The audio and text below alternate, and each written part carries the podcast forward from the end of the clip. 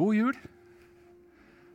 Jeg heter Viggo Klausen og har gleden av å ha eh, talen på julaften i år. Det har jeg gleda meg til. Så er du klar? Det er bra.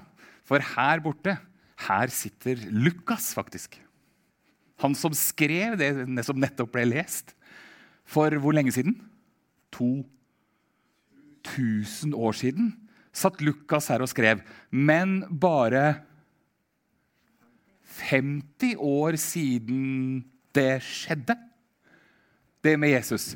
40-50 år siden Jesus døde på korset, og en 70-80 år siden Jesus ble Og jeg har blitt sånn ca. 50, så det har gått 50 eh, år fra Jesus døde på korset, til Lukas sitter her og skriver om det.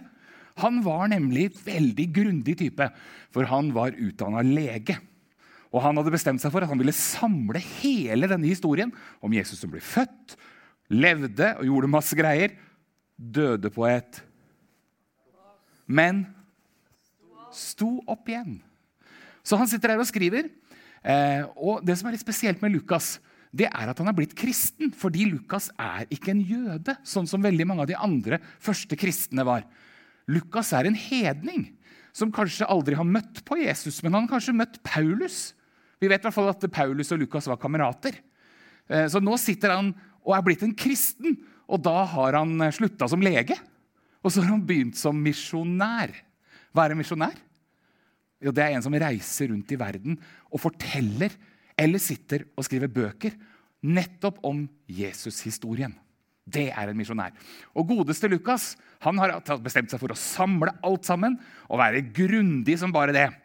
Han har jo ikke sett og hørt alt som har skjedd sjøl. Men han intervjuer folk som har sett og hørt. F.eks. Maria, mammaen til Jesus. Er dere enige om at hun måtte i hvert fall være til stede da Jesus ble født? Ja, og Lukas levde jo samtidig med disse folka, så han kunne jo intervjue dem og snakke med dem. Og Maria hadde jo gjemt hele historien i sitt uh -huh. Og nå delte hun det med Lukas, det kan godt hende hun delte med andre også.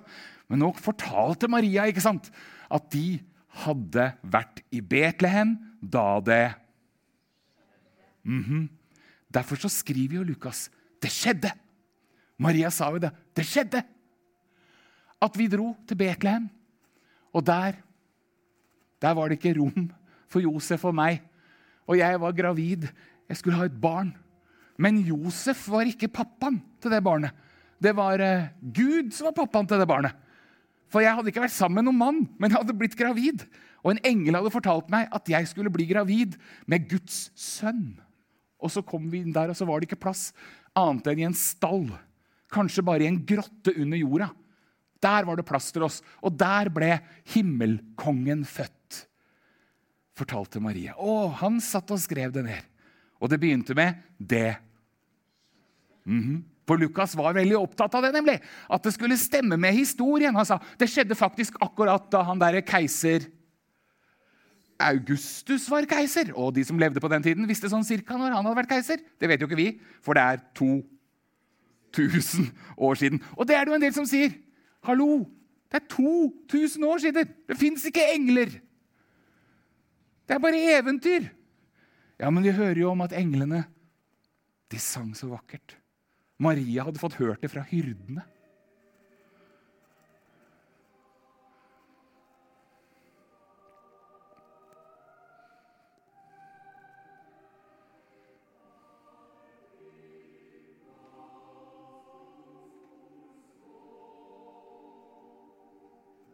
Hadde ikke det vært vakkert å vært med der og opplevd det?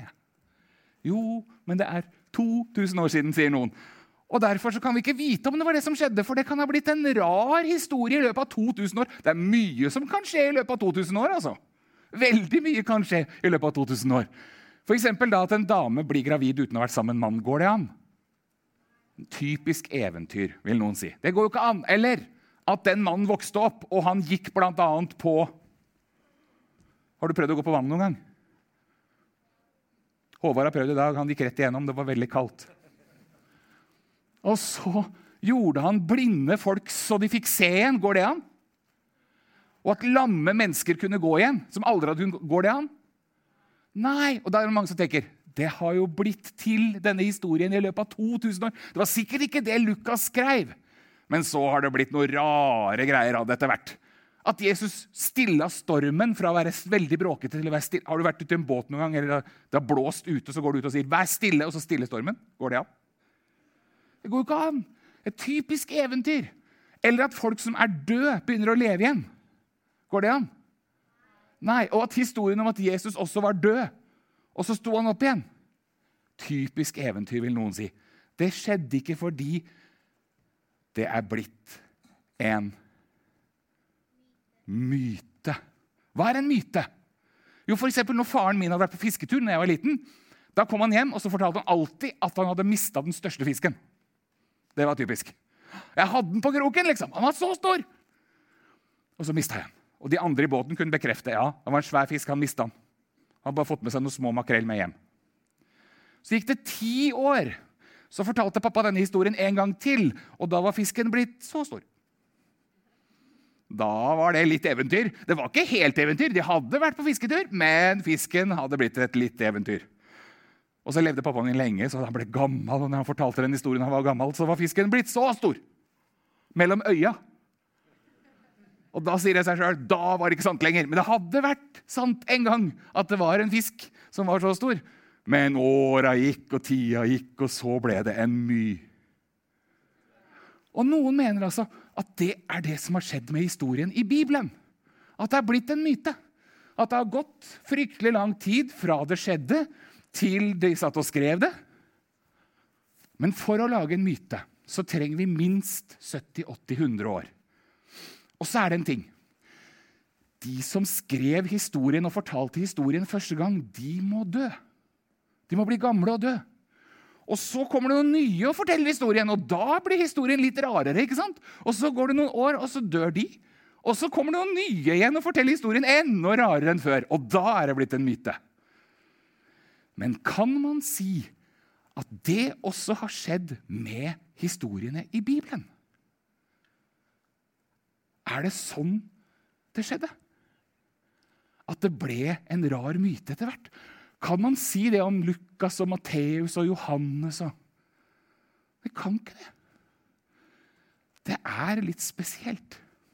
Visste Lukas at han satt og skrev Bibelen, forresten?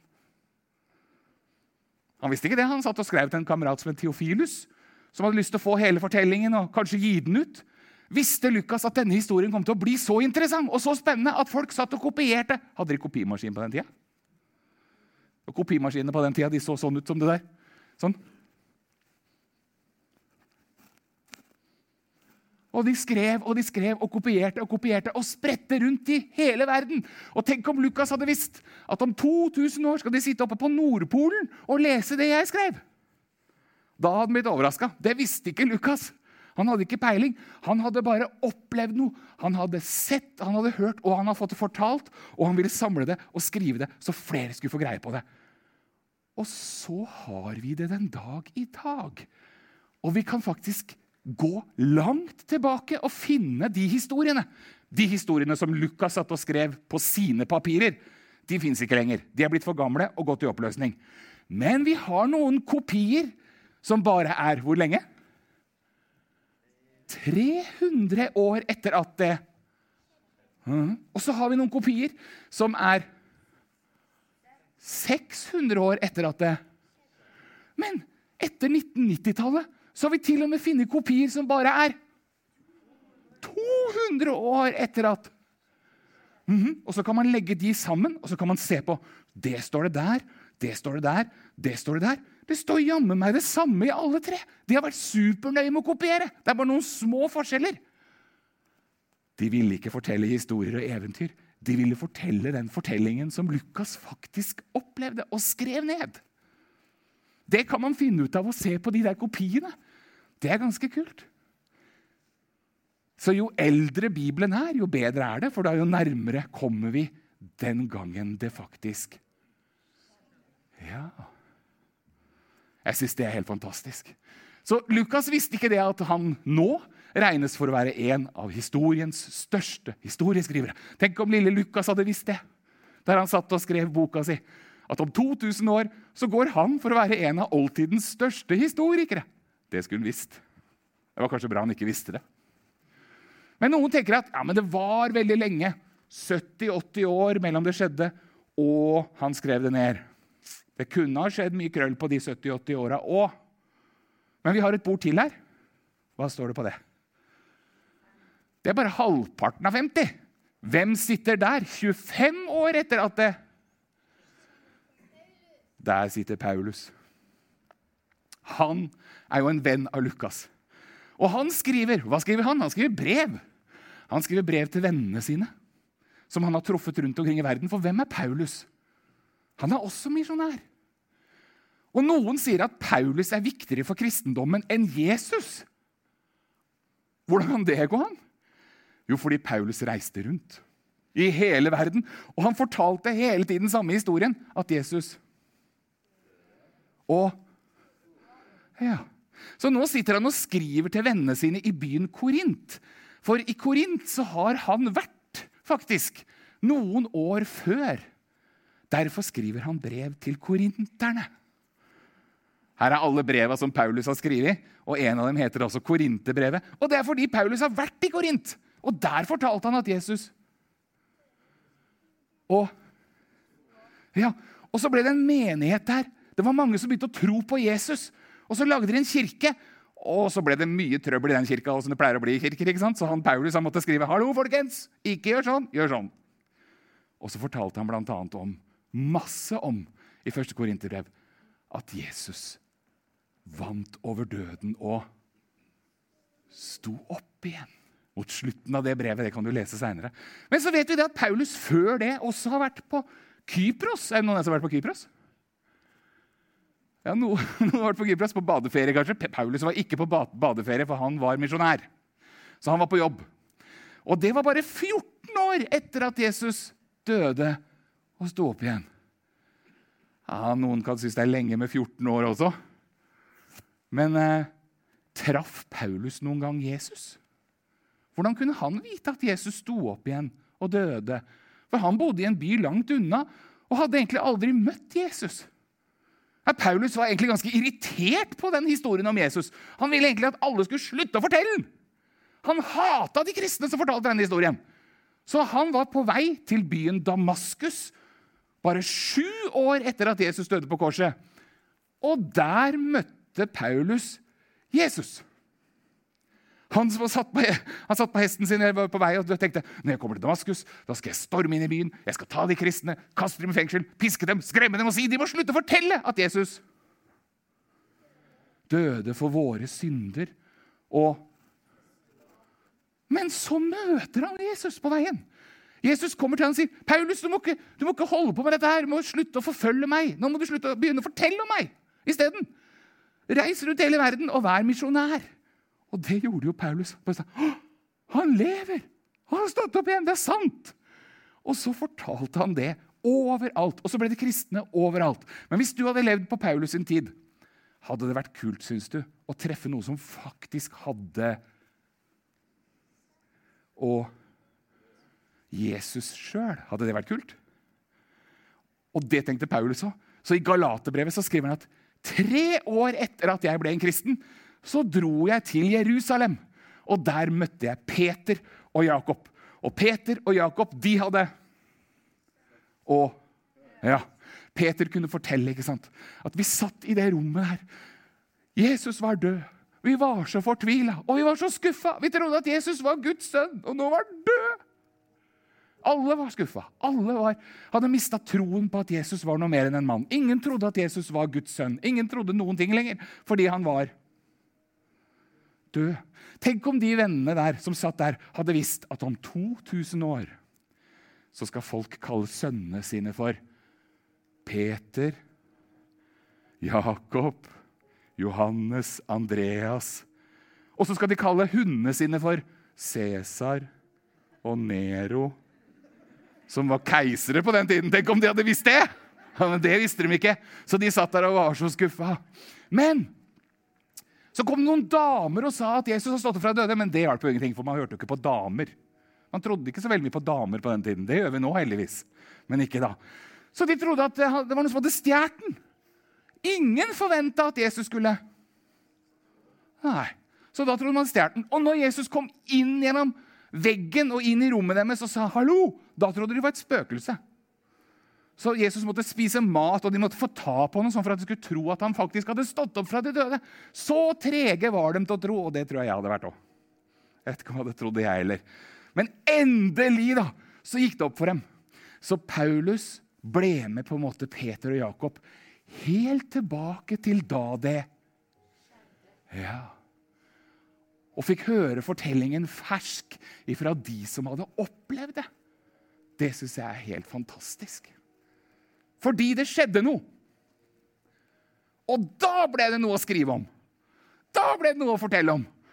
Da våkna liksom hele gjengen og satte seg ned og begynte å skrive og fortelle og reise rundt. Enda det ble forbudt å gjøre det, så gjorde de det. Det syns jeg er veldig tøft. Så de slutta ikke. De fortsatte og fortsatte og fortsatte å fortelle. Og det førte til at vi sitter her 2000 år etterpå og kan høre at det Det skjedde. Det skjedde faktisk. Paulus visste heller ikke at han skrev Bibelen. Og han visste ikke at han om 2000 år skulle sitte noen oppe på Nordpolen og snakke om han. Men det gjør det. For det var noen som tok vare på Skriftene. Og det var god grunn til å gjøre, for det var altså forbudt å fortelle denne historien. For det var mange som Paulus hadde vært, at ikke det var lov å fortelle. De ville ha slutt på alt sammen. Men de kristne de gravde ned skriftrullene. De tok vare på skriftene, selv om keiseren hadde lyst til å brenne alt sammen. For det var keiseren som bestemte at de kristne de skal straffes, det skal brenne skriftene, de skal ikke få lov til å være her. Hvorfor det? For de ville ikke bøye seg for keiseren. De ville ikke si at keiseren var Gud, men det ville keiseren at alle skulle si at 'jeg er Gud'. Men de sa nei. Det skjedde nemlig noe som du tror at vet at det er ikke du som er Gud. Det er Jesus som er Gud. Så vi bøyer oss ikke for keiseren. Og da sier keiseren ok, vi tapte i krig. Det er de kristne sin skyld. Det ble masse sykdom i landet. Det er de kristne sin skyld. Alt er de kristne sin skyld. Og derfor så tok det 300-400 år før vi endelig kunne ha en hel bibel. For det var noen tøffinger som satsa livet sitt på å ta vare på Skriftene. Og endelig, etter så mange år, så fikk de lov til å være kristne. Og da tok de og samla alle de skriftene som de kristne var så glad i. Bl.a. juleevangeliet og Lukas og Matteus og Johannes. Og så kunne de lage en hel bok. Og derfor er denne boka her en skatt. Mye, mye mer enn en eventyr, Harry Potter-historie eller hva som helst. Dette er helt spesielt i hele historien. Og fordi at vi vet at de satt i fengsel for å fortelle denne historien, de mista livet sitt for å fortelle denne historien, det forteller meg at de ikke løy, men at de faktisk fortalte det som var sant om denne historien. Det syns jeg er fantastisk. Så Derfor kan jeg bare stryke det.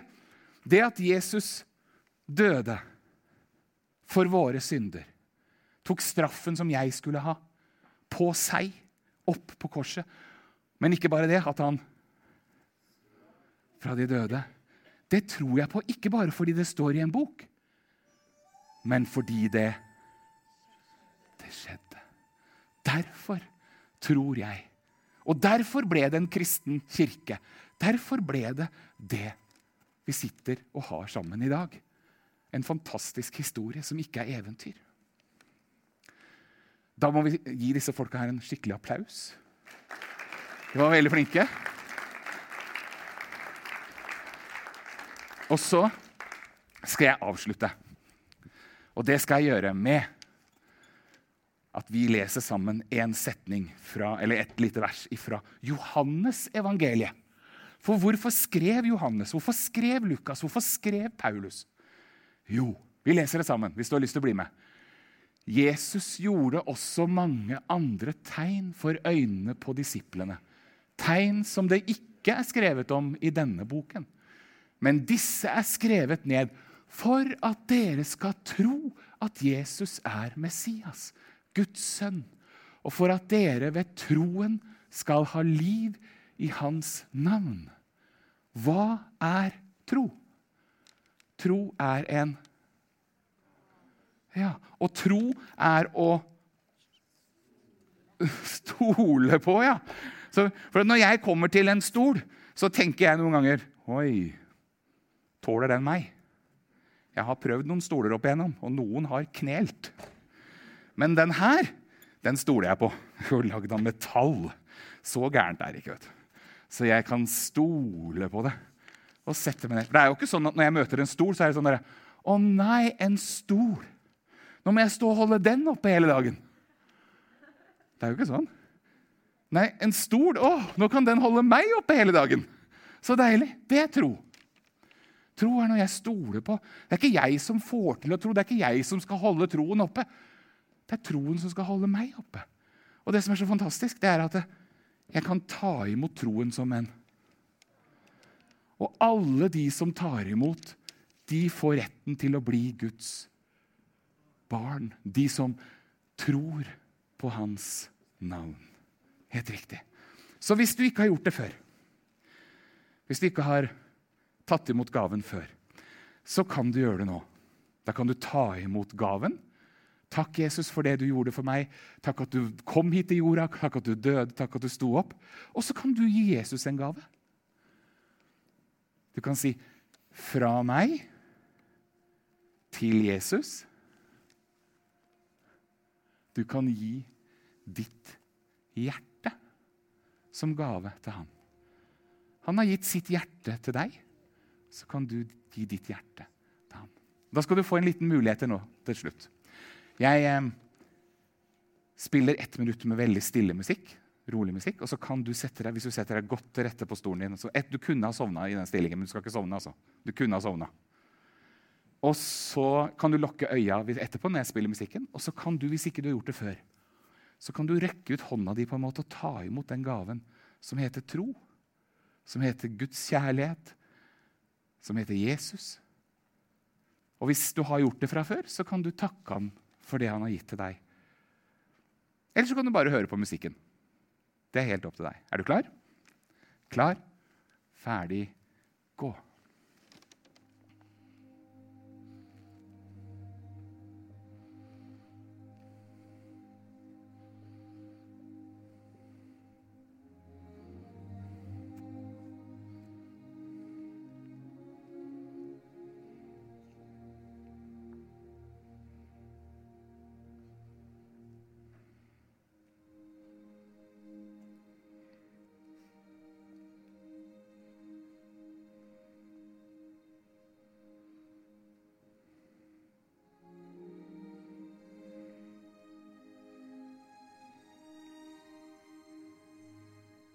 Så ber jeg en liten bønn. En og en setning, så kan du bli med meg hvis du vil. Hvis ikke, så er du bare stille. Takk, Jesus, at du kom hit for å vise oss Guds kjærlighet. Takk at du døde på korset for meg. Takk at du sto opp igjen og lever nå. Takk for dem som skrev det ned. Takk at du har bevart ordene, så jeg kan lese dem nå.